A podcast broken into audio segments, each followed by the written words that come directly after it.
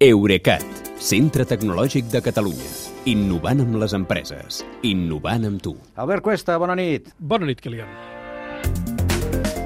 Avui, Albert, podríem dir que vols explicar-nos coses per la cara. Eh? Sí, podríem Seria dir-ho, això. sí. La primera és un algoritme que escolta com parles, això que estic fent jo ara, i Mhm. endevina quina cara fas.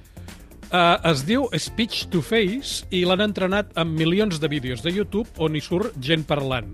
Uh, I llavors, quan li fas escoltar una altra veu, et genera la imatge sintètica d'una persona que podria ser la que parla. Uh, la veritat, ho podeu veure en una foto que posarem eh, a la web, és que no és perfecta. No però és Sí que perfecta? no, no, no, de moment no. Però sí que l'encerta bastant amb trets bàsics com el gènere, o sigui, si ets home o dona, mm. l'edat, si ets jove o gran, i la raça, si ets blanc o de color. Mm. Els investigadors de l'Institut de Tecnologia de Massachusetts ja avisen que n'hi ha d'altres, com el color dels cabells i el pentinat, que no estan vinculats a la parla i que les dades genèriques d'origen podrien estar esbiaixades, perquè no tothom té vídeos parlant a YouTube, però hi veuen possibilitats per identificar poblacions si són més específiques. Ah. A, a mi saps en què m'ha fet pensar? En què? Doncs amb els oients de ràdio aquells de tota la vida que ens hem, ens han preguntat eh, quina cara feu les persones que sou a l'altre costat del micròfon. O sigui que jo potser... Mira, et, et diré una cosa, et confessaré una cosa, jo he pensat el mateix. Sí, doncs mira, a veure si els enviem amb els de Massachusetts, algun Catalunya nit, per veure quina cara us posen a tu i al Gerard López. Aviam si ens la milloren, va. Aviam.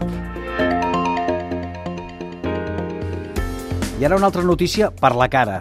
No sabem si les policies europees estan pensant en registrar les nostres veus, però sí que es disposen a compartir les nostres fotos.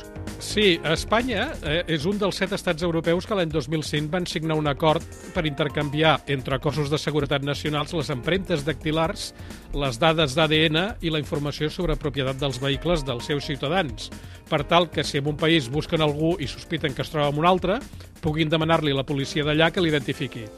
Doncs bé, ara la Comissió Europea té intenció d'ampliar l'abast d'aquesta base de dades policial paneuropea per incloure-hi també les fotografies dels nostres documents d'identitat, que fins ara no hi són.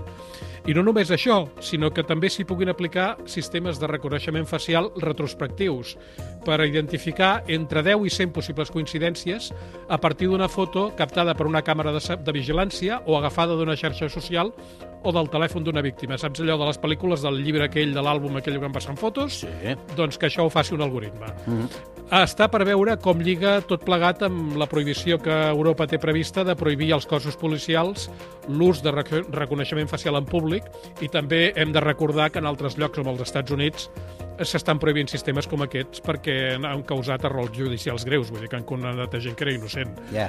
Però mentre algunes entitats europees de defensa dels drets digitals denuncien que si el projecte progressa s'estarà creant un dels sistemes de reconeixement facial més grans que hi ha al món, eh, suposo que amb permís de la Xina, eh, polítics com el ministre francès de l'Interior han recordat que amb aquest sistema ja s'han resolt delictes que van del robatori a la pedofília. Doncs com en tot, eh, com en altres àmbits, cal estar alerta a l'ús de la tecnologia per part de tothom, però també per part dels cossos de seguretat, que no fos cas que generessin més que seguretat, inseguretat. Inseguretat. Que vagi molt bé, fins demà. Bona nit, Kilian. Eurecat, centre tecnològic de Catalunya. Innovant amb les empreses. Innovant amb tu.